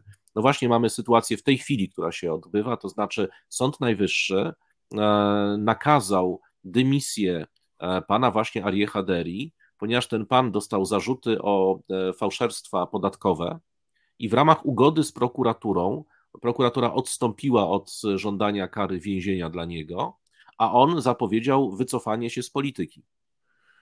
I Sąd Najwyższy stwierdził, że w tej chwili mianowanie go ministrem finansów jest delikatnie mówiąc e, nie na miejscu i on nie powinien tym ministrem finansów zostać. E, no ale e, wszystko wskazuje na to, i czyli to jest, to jest to jako wyrok Sądu Najwyższego. Oczywiście członkowie partii Szas mówią, że jest to nielegalny wyrok. Netanyahu nie ma siły, żeby, żeby odwołać lidera partii Szas, a jeżeli odwoła, no to mamy kolejny kryzys polityczny i kolejne wybory, no bo to tak się, tym się to po prostu skończy. Jak na razie sam lider właśnie Panderi mówi, partii Szas powiedział takie bardzo ładne zdanie, że wyrzucicie nas drzwiami, wrócimy oknem, zabijecie okno, wrócimy przez piwnicę, tak? Czyli nie wyrzucicie nas w żaden sposób. No i generalnie, a demonstracje, które były na ulicach, to są uprzedzały jak gdyby tę sytuację, ponieważ to jest kwestia, tam została zaproponowana reforma sądownictwa, która ma polegać na tym, że wyroki Sądu Najwyższego nie są ostateczne, muszą być później jeszcze zatwierdzane przez Kneset, co tak naprawdę wyobraźmy sobie, że wyroki u nas e, Sądu Najwyższego musiałyby być również zatwierdzane przez parlament, czyli to jest to jest e, koniec demokracji liberalnej jako takiej, której jednak fundamentem jest niezależność władzy sądowniczej. No, ponieważ w Polsce tej niezależności też nie ma, dlatego się Polskę też zalicza już do tych krajów e, tak zwanej demokracji nieliberalnej, tak? czyli mamy system, który teoretycznie jest demokratyczny, jest to teoretycznie republika, no republika, bo nie mamy monarchy, tak? natomiast jeżeli nie ma niezależności władzy sądowniczej, to już nie jest to model państwa liberalnego i dokładnie właśnie w tym kierunku zmierza Izrael i stąd tak wielkie demonstracje, Zresztą takie dramatyczne apele i dramatyczne wypowiedzi polityków izraelskich, tam Jar Lapid właśnie mówi, że to jest koniec w ogóle państwa demokratycznego w, w Izraelu, że, że sprzeciwianie się temu jest, jest obywatelskim obowiązkiem. No i dosyć duże emocje w tej chwili rządzące Izraelem z jednej strony, abstrahując od tego, że w tym samym czasie oczywiście jest jeszcze podgrzewany ten kocioł międzynarodowy bardzo mocno. No, Mamy na przykład, e, ponieważ e, Izrael e, w 1967 roku toczył między innymi wojnę z Jordanią. W 1994 roku zostaje zawarty pokój z Jordanią i w rezultacie tego pokoju szczególny status nadaje się Jordanii, która ma odpowiadać za miejsca święte dla islamu w Jerozolimie. No, przede wszystkim chodzi o meczet Al-Aqsa. I taka sytuacja, w której tam do tego meczetu, nad którym częściową suwerenność sprawuje sprawuje Jordania, chociażby przez swoją fundację jordańską, prawda, która, która dba o to, o to święte dla islamu miejsce, e, próbuje wejść na to wzgórze świątynne ambasador Jordanii i jest popychany, e, bity tam przez policjanta izraelskiego. Znaczy, ja sobie próbuję wyobrazić odwrotną sytuację, że nie wiem, w jakimś kraju europejskim e, izraelski ambasador sobie, nie wiem, wchodzi gdzieś do jakiegoś kościoła na przykład i tam zostaje pobity przez policjanta. Mielibyśmy skandal na cały świat, oskarżenia o niedemokratyczne zachowanie. Tutaj media izraelskie i apologeci tego reżimu aktualnego mówią, no przecież on nie uzgadniał, tak? To nie była uzgodniona wizyta. Nie musiała być uzgodniona, bo po to właśnie zawarto traktat pokojowy, który daje możliwość jak najbardziej, daje prawa Jordanii chociażby do ambasadorowi do odwiedzania takich miejsc, więc już nie mówiąc o tym, że samo, samo zaatakowanie tego ambasadora to jest w ogóle coś skandalicznego i to jeszcze nie przez jakiegoś tam człowieka postronnego, tylko przez izraelskiego policjanta. No, więc no to, to, to jest coś, co się w tej chwili Izraelu dzieje. Czyli to, że to jest rząd skrajnie prawicowy, przestało być już tylko sloganem, ale zaczęło być, i to jest rzeczywiście rząd e, chyba bez precedensu w tej chwili, nawet jak się tak prześledziłem sobie wszystkie te rządy Izraela od początku, jest tak, tak prawicowego rządu jeszcze nie było. I najbardziej lewicowy w tym wszystkim, tak jak mówię, to jest prawie, prawie socjalistą, jest ten Benjamin Netanyahu, który przecież zawsze był tym takim jaszczębiem prawicowym, bo on jest rzeczywiście najbardziej lewicowy w tym rządzie. Natomiast na prawo od niego tam jest cała jeszcze wielka przestrzeń. Więc mamy do czynienia z próbą likwidacji niezależności Sądu Najwyższego, jednocześnie próbą ręcznego podporządkowania sobie e, policji, e, tym decyzji kadrowych przez Bengwira, czyli nowego ministra do spraw bezpieczeństwa. Notabene kolejne, kolejną osobę, która została skazana za przestępstwa, więc to jest taki rząd, w którym e, roi się jak gdyby od osób z przeszłością tak czy inaczej kryminalną. E, bądź no, akurat tam była ugoda w przypadku akurat e, lidera partii Szaz, więc nie został skazany niby, no ale to są tak czy inaczej, to chyba rzadko się zdarza, że aż tylu w, Netanyahu ma trzy zarzuty, żeby aż tyle osób z takimi problemami się pojawiło naraz w rządzie. E, z drugiej strony mamy właśnie to podgrzewanie tej sytuacji międzynarodowej. No i, no i z trzeciej strony ten, ten, to, to wtargnięcie Bengwira na to wzgórze świątynne, ja co prawda nie uważam, żeby to było wtargnięcie, bo to jest znowu już propaganda arabska, no ale tak to jest mm, przez media arabskie e, przedstawiane, no powoduje liczne protesty i ze strony Arabii Saudyjskiej i, e, i innych krajów arabskich, a z drugiej strony Stany Zjednoczone, które próbują cały czas naciskać na normalizację stosunków izraelsko-saudyjskich. No to po prostu nie będzie miało przy tym rządzie miejsca, to już zresztą E, w tej chwili widać. Czyli Izrael zmierza w kierunku takim, po którym już może nie być odwrotu. Znaczy, może się stać państwem do tego stopnia niedemokratycznym, że też dojdzie też do bardzo dużego rozbratu między z, na przykład diasporą żydowską w Stanach Zjednoczonych i Izraelem jako takim. Stany Zjednoczone będą podtrzymywać tak czy inaczej suwerenność Izraela. Tutaj nie ma absolutnie perspektywy jakiegoś zerwania tych stosunków, natomiast, natomiast z punktu widzenia jak gdyby relacji i państw e, zachodnich, Europy Zachodniej i Stanów Zjednoczonych z Izraelem, to będzie na razie wszystko to zmierza ku bardzo znacznemu pogorszeniu. Jeżeli tam nie dojdzie do jakiejś wolty jeszcze i jakiegoś genialnego posunięcia Netanyahu, który będzie w stanie okiełznać e, swoich, e, swoich koalicjantów, to raczej będziemy mieli, obserwowali no, taką sytuację, w której tym, w tym Izraelu żyć się będzie na pewno dużo, dużo, dużo gorzej niż do tej pory. No to jest bardzo ciekawe, bo e, tak pomyślałem sobie o dwóch rzeczach, kiedy mówił Pan o sytuacji Izraela, to to jest to, że często postrzegamy tą zmieniającą się rzeczywistość XXI wieku w kategoriach rewolucji geopolitycznej, ale przecież bardzo dużo zmienia się wewnątrz samych krajów i być może będziemy mieli do czynienia z zupełnie innym Izraelem. Zobaczymy jeszcze, jak się ta bo tam te siły są, zdaje się, bardzo wyrównane i to też jest e, charakterystyka tych demokracji współczesnych, czy demokracji nieliberalnych, czy nowych typów demokracji, jakie się pojawiają, że to jest często jeden głos, czy jeden procent w jedną stronę i ono oznacza totalną zmianę. I tak to widzę w, na Węgrzech, w, w Turcji, w, być może w Polsce także, czy, czy w Izraelu, chyba zdaje się sytuacja jest podobna i że to są wielkie przemiany jakby wewnętrzne, czyli pozostaje na mapie Izrael, ale to jest już coś zupełnie innego niż było i ta zmiana dokonuje dokonuje się jakby wewnętrznie czy wewnątrz tak wielu Turcją. Jak tak mieliśmy z Turcją, prawda, że przez lata po, po, dalej postrzegamy Turcję jako państwo e, kemalistowskie, prawda, jako państwo europejskie, dalej uważamy, że Turcja jest państwem, państwem, które tak naprawdę rządzone jest przez, przez miasto nad Bosforem, tak? Natomiast no to już nie, to już nie jest, to już nie jest, już, już tym centrum polityczno, politycznym przestał być Stambuł, prawda? Ja mówię oczywiście o, nie o kwestii administracyjnej, tylko tym, tym, e, jak gdyby, tym, którzy nadawali ton polityce tureckiej, a stała się właśnie Ankara, biedota Anatolii, no i AKP, prawda, Bractwa Muzułmańskie, więc to jest zupełnie inne państwo, pomimo tego, że jest to dokładnie ta sama Turcja. Czyli Turcja tak sprzed 20 lat i Turcja obecna to są jednak dwa bardzo różne państwa. I ta e, dewolucja, można powiedzieć, e, systemu politycznego zmierza w kierunku coraz, tu już jest, proszę zobaczyć, ile już jest w tej chwili takich krajów, w, w, oczywiście w naszej zachodniej hemisferze, E, które odchodzą jednak od demokracji liberalnej na rzecz różnego rodzaju takich karykatur, prawda, quasi dyktatur, a kogo pan typuje jako następnego? Bo tak się zastanawiam, no, że Izrael jest kolejnym krajem. To może być pewnego rodzaju zaskoczenie, ale skoro widzimy ten trend, to kogo pan typuje jako kolejnego potencjalnego no, adaptatora tego nowego typu rządów? Znaczy, chyba w tym... pan taki kraj? Słowacja. Znaczy, jeszcze to chyba za wcześnie mówić. No, mamy kilka krajów, które w tym, kierunku, w tym kierunku zmierzyły dosyć mocno, ale w Unii Europejskiej jest to jednak dużo bardziej skomplikowane, trudniejsze. Jest poza Unią Europejską, no to Turcja jest ewidentnym prawda, case'em. E, dalej już nie mamy krajów demokratycznych praktycznie, także, także to są wszystko właśnie te demokracje takie nieliberalne no ostatnią demokracją liberalną jeszcze, przynajmniej, tak, przynajmniej dla swoich obywateli, bo to nie patrzymy się na stosunki z Palestyńczykami, tylko stosunki z własnymi obywatelami jeszcze pochodzenia żydowskiego na dodatek, to, je, to jest Izrael.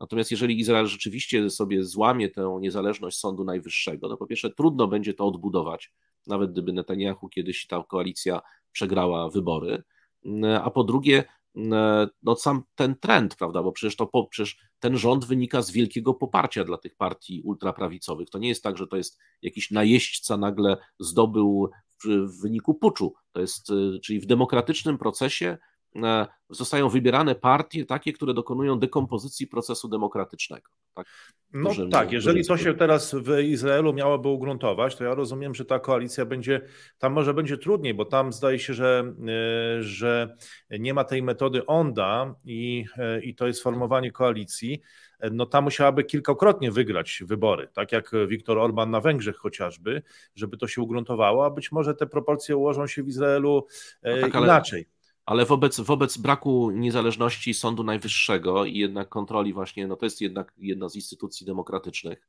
um, będzie dużo łatwiej utrzymać się u władzy. To jest tak samo jak, no, to, to jest tak samo jak, jak w Turcji Erdogana w tej chwili, jak mieliśmy e, burmistrza Stambułu, prawda, potencjalnego kontrkandydata, to co się okazało, no, siedzi w więzieniu, prawda, więc to też takie rzeczy się, to jest, to, to nie musi, znaczy ta, ta, ta likwidacja systemu demokratycznego nie musi nastąpić jednego dnia. Nie tak jak w Niemczech nazistowskich, prawda, że mieliśmy chwilę po wyborach już pierwsze, już pierwsze ustawy, które zresztą też ta, ta, ta, ta, ta dewolucja, prawda, ten, ten regres systemu demokratycznego też nie nastąpił w ciągu jednej nocy. Więc to może być proces rozłożony na dużo dłużej, no ale tym im mniej tej, tej kontroli demokratycznej, tym jak gdyby partiom niedemokratycznym, tym, które doprowadziły do tego procesu, łatwiej jest utrzymywać się u władzy. No bo jeżeli mamy kontrolę nad systemem sądowniczym, no to przecież nikt nie będzie nikogo sadzał za, za, za, za, za zarzuty polityczne, tylko zawsze znajdą się jakieś zarzuty kryminalne. No jeżeli się ma prokuraturę e, i prokuraturę, aparat bezpieczeństwa i sądownictwo e, w jednym ręku, to tak naprawdę jest to już system niedemokratyczny w żaden sposób. No właśnie, zobaczymy jaka będzie specyfika izraelska, bo tam jest kilka tych partii, a kilka partii to może doprowadzić do jakichś różnic e, zdań. Tak jest. To, tak. To, to, się zgadza. Ale właśnie to, co, właśnie to, co nie różni tych partii, to jest chęć zwiększenia kontroli na pewno nad aparatem bezpieczeństwa, takiego ręcznego sterowania politycznego tym aparatem oraz e, to, co jest jak gdyby jednym z haseł, które jednoczą tę koalicję, to jest właśnie chęć do złamania niezależności systemu sądowniczego czyli przetrącenia tego kręgosłupa sądowi najwyższemu, już abstrahując od tego, czy ten sąd najwyższy rzeczywiście nadmiernie nie ingeruje w życie e, polityczne i czy nie też uzurpuje sobie nadmiernej władzy. No, to już jest na osobną dyskusję, natomiast no, likwidacji niezależności sądownictwa zawsze towarzyszy erozja systemu demokratycznego.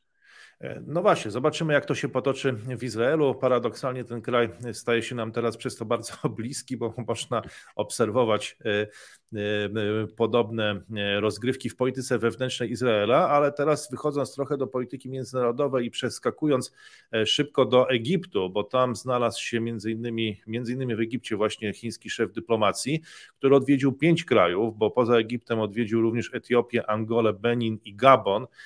No to była bardzo zróżnicowana zróżnicowana agenda, ale taka musiała być, bo bardzo zróżnicowany jest kontynent afrykański. Natomiast ja tak bardzo szybko chciałbym się skupić tylko na e, trzech rzeczach i właśnie w pierwszej nawiązać do Izraela, bo w Egipcie doszło do spotkań zarówno z prezydentem Egiptu, jak i też przedstawicielem Ligi Arabskiej i tam no Chingan, czyli ten młody minister, niespełna 60-letni chiński szef dyplomacji, skrytykował Izrael, czy też rząd izraelski e, i e, odezwał się w te słowy, znaczy wezwał do zaprzestania podżegania i prowokacji oraz, e, oraz wezwał do powstrzymywania się od podejmowania jednostronnych działań, które mogłyby pogorszyć sytuację. Wezwał również do utrzymania status quo w najważniejszym świętym miejscu Jerozolimy. No, akurat Chingan nie jest chyba, o ile mi wiadomo, reprezentantem żadnej z trzech wielkich religii, które się spotykają w Jerozolimie, ale mimo jest, to nawoł... Jest, jest, czwart, jest czwartej, która się tam nie spotyka. Tak. tak no ale, ale nawołuje do utrzymania tego status quo, więc tutaj stanowisko jest dużo bardziej zdecydowane niż w innych kwestiach, chociażby kwestii Ukrainy, gdzie Chiny się tak bardzo dystansują, cały czas gdzieś tam wzywają do dialogu i tak dalej, to tutaj było ono zdecydowanie ostrzejsze. E, być może to jest kwestia pewnego zbliżenia, jakiego obserwujemy nie tylko z Egiptem, ale w ogóle ze światem arabskim. Ta wizyta w Arabii Saudyjskiej być może była tego przejawem. No zobaczymy, co z tego e, wyniknie. Druga kwestia, na którą zwróciłem uwagę, to to, że państwa arabskie, szczególnie Egipt, tutaj apelowały o zwiększenie ruchu turystycznego z Chinami. Znaczy chińscy turyści są tutaj postrzegani jako atrakcyjny, dosyć taki no, smakowity kąsek i to nie tylko Egipt, ale inne kraje arabskie chciałyby tych chińskich turystów przyciągać więcej.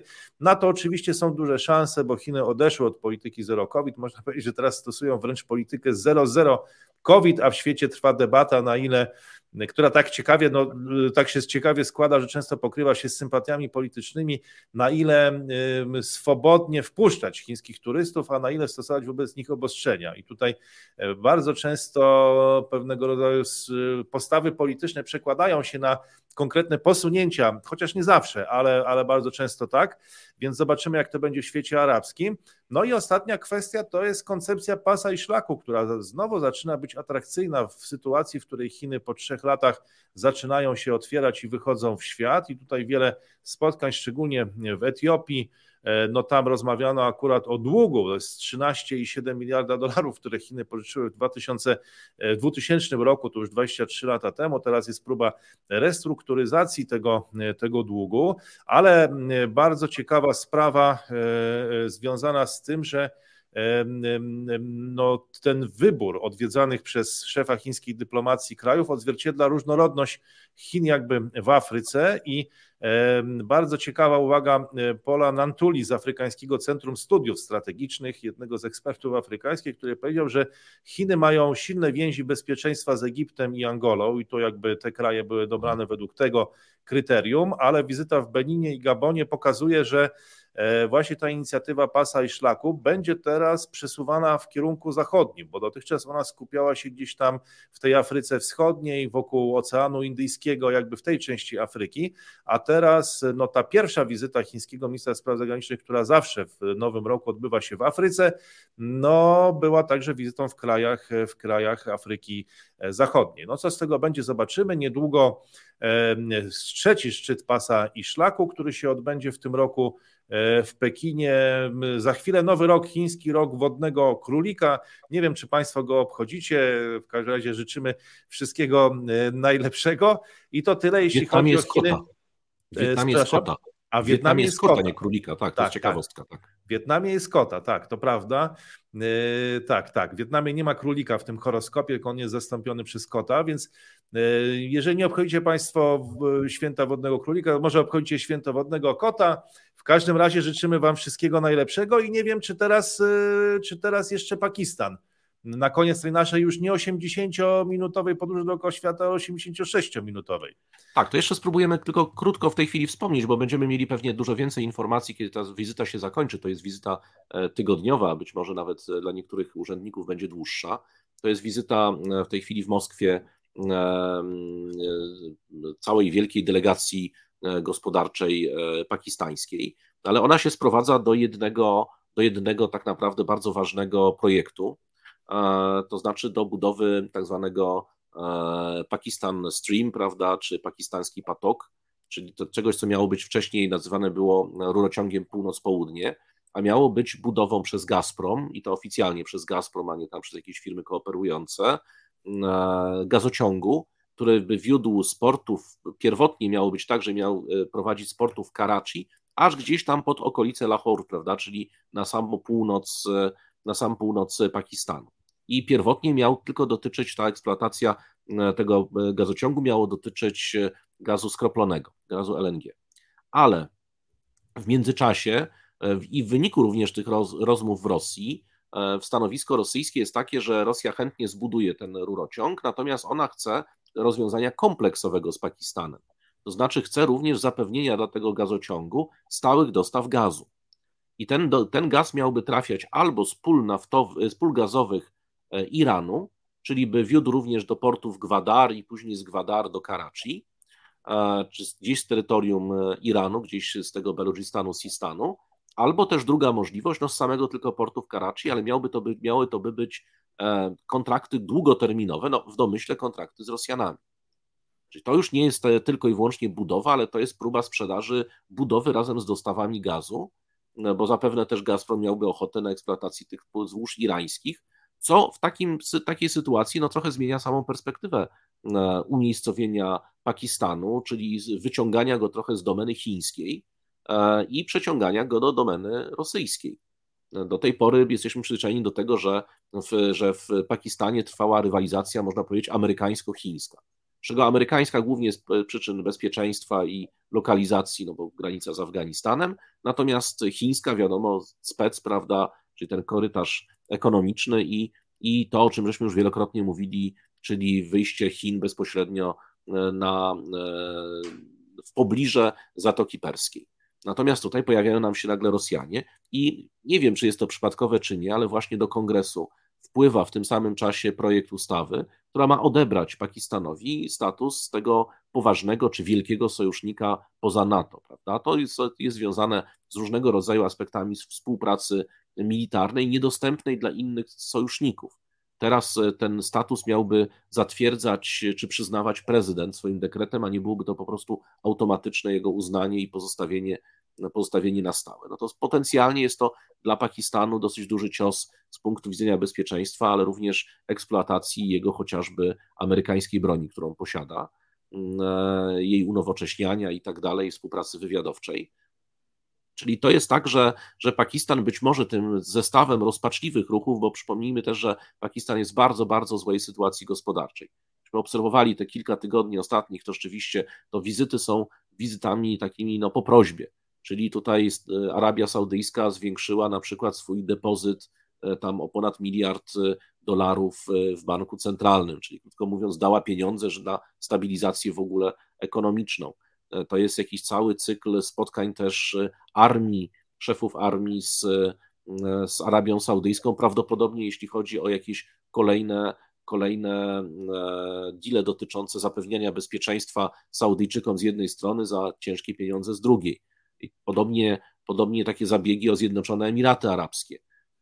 Podobnie kwestie dotyczące ewentualnych jeszcze pożyczek dalej z Międzynarodowego Funduszu Walutowego. Czyli tam widać, że tam ta sytuacja gospodarcza jest bardzo zła, ale koniec końców e, jakby próba e, mariażu z Gazpromem może się skończyć, może dać odwrotny efekt, to znaczy zablokowanie dostępu przynajmniej do tych środków, które, którymi dysponują Amerykanie. I nie wiem, prawdę powiedziawszy, jak będzie reagował, jak będą reagowały Chiny e, wobec tego, że nagle Rosja im się pojawia no, w miejscu, w którym E, Chińczycy już uznali za swoje, za swoją domenę gospodarczą. E, no właśnie, to bardzo ciekawe. No, gra imperiów przetacza się przez cały świat. Jak widzimy, niektóre kraje próbują e, grać swoją grę z grą imperiów, tak moglibyśmy powiedzieć, w kontekście Pakistanu, do którego na pewno będziemy wracać. Moglibyśmy tutaj zadać jeszcze to pytanie, no na ile w tej grze imperiów też Rosja będzie miała e, siłę zaistnieć w Pakistanie, bo na razie ta rozgrywka dotyczyła obszaru poradzieckiego i nie mówię tutaj o Ukrainie, ale także były inne ciekawe kraje jak Kazachstan, Azerbejdżan, Armenia, no ale to już jest temat, którego dzisiaj, którego dzisiaj nie poruszymy. Proszę Państwa, bo gra imperiów nigdy się nie kończy, ale musi się skończyć nasza rozmowa i zawsze próbujemy wcelować dziś mniej więcej w 80 minut, ale dzisiaj nie mielibyśmy sumienia ograniczyć się do tych 80 minut, bo jak widzieliście Państwo, dzieje się tyle ciekawego, że w 80 minut tej podróży zakończyć się nie dało. Jeżeli Państwo będziecie tak łaskawi, to będziemy wdzięczni za komentarze na koniec, za jakieś sygnały, że dotarliście do końca tej naszej rozmowy. Może poinformujcie nas o tym, ile przejechaliście kilometrów w drodze, czy w trasie, albo ile ich przebiegliście. Nie wiem, czy w lesie, czy na różnego rodzaju nowoczesnych urządzeniach. I czy skłoniło, to was, czy, czy skłoniło to Was do zapisywania się do gry Imperiów Premium? Tak jest, którą zaczynamy w sobotę i będzie to wielkie wydarzenie. Rozpoczniemy już podróż e, nie 80 czy też 92-minutową, ale 96-godzinną, czyli 96 razy 45 minut. No i jesteśmy pewni, że będzie to fascynująca e, wyprawa. Zapraszamy tych, którzy jeszcze do tej wyprawy nie dołączyli i dziękujemy za wsparcie, za wsparcie na Patronite, za wsparcie na YouTubie, e, gdzie możecie Państwo nacisnąć specjalny przycisk za tradycyjne przelewy, wszędzie z dopiskiem Gra Imperiów. E, zostawiamy linki i opis w komentarzu do tego, do tego filmu. No i cóż, nie pozostaje nam już nic innego niż zaprosić Państwa na weekend, na sobotę, gdzie rozpoczynamy tą wspaniałą podróż i życzyć wszystkiego najlepszego w roku, czy to wodnego królika, czy wodnego kota jeżeli Państwo te święta obchodzicie i wszystkiego dobrego w nowym roku. Gra Imperiów nigdy się nie kończy, Gra Imperiów tworzy iluzję, ale też odziela ze złudzeń, a dzisiaj ze złudzeń przez 93 minuty odzielali Państwa Wojciech Szewko i Radosław Pyfel. Kłaniamy się i liczymy, że do zobaczenia wkrótce.